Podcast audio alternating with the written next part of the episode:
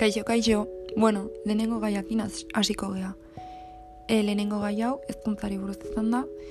Eta, hasteko ezkuntzaren definioaz, definizioari buruz pentsatzea egin arazi zigun lorek. Eta, bueno, hau da nik pentsatu nuena gai honi buruz. Disiplina edo zintza bat da, albitzen duena nolabaiteko ezagutza eta jakintza izaten. Eta honen bitartez, alfabetizatu egiten gara, baita ez ere. Eta lagungarria da gizartaren parte izateko. Berez, beharrezkoak diren gauzak erakusten dituelako. Esaterako gizak izaten, sozializatzen, garatzen, jokatzeko moduak, Alaber, eragile zuzena da umen garapenean, eta hauek erlazia dute beste sistema edo ingurune batzuekin. Ala nola, familiarekin, leku desberdinekin, ez bakarrik eskolan lagunekin, familiarekin ere. Baina beste mota batekoa. Horrez gain, gizarte edo herrialde baten organo eta tal nagusietako bat da, asko baldintzatzen duena, eta honek zuzeneko eragina du bere herritarretan edo herritarretan. Guren egunerokoan jasotzen edo ikusten dugun asko hezkuntzatik du jatorria. Termino edo kontzeptu oso zabala delako.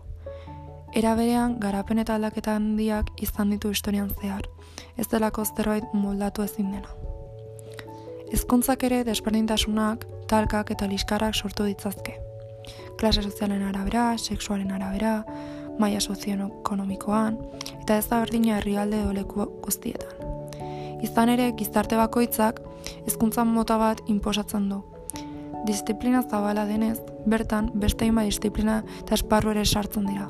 Eta honi esker lanbide edo formakuntza desberdinak daude. Hezkuntzarekin gauza asko irakatsi daitezkelako. Esaterako pedagogoak, irakasleak, ezitzaileak.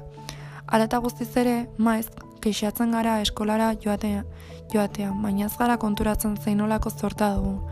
Ume eta aldu asko ez direlako joan, naiz eta gizte eskubidea izan.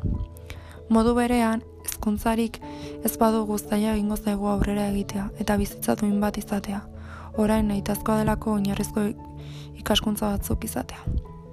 Hildo beretik, hezkuntza gizartearekin zuzena lotuta dago, fenomeno soziala baita, eta hau leku ezberdinetatik begiratuta aztertu daiteke. Azken batean gure bizitzaren zati handi bat hezkuntzarekin lotura duten tokitan pasatzen dugu.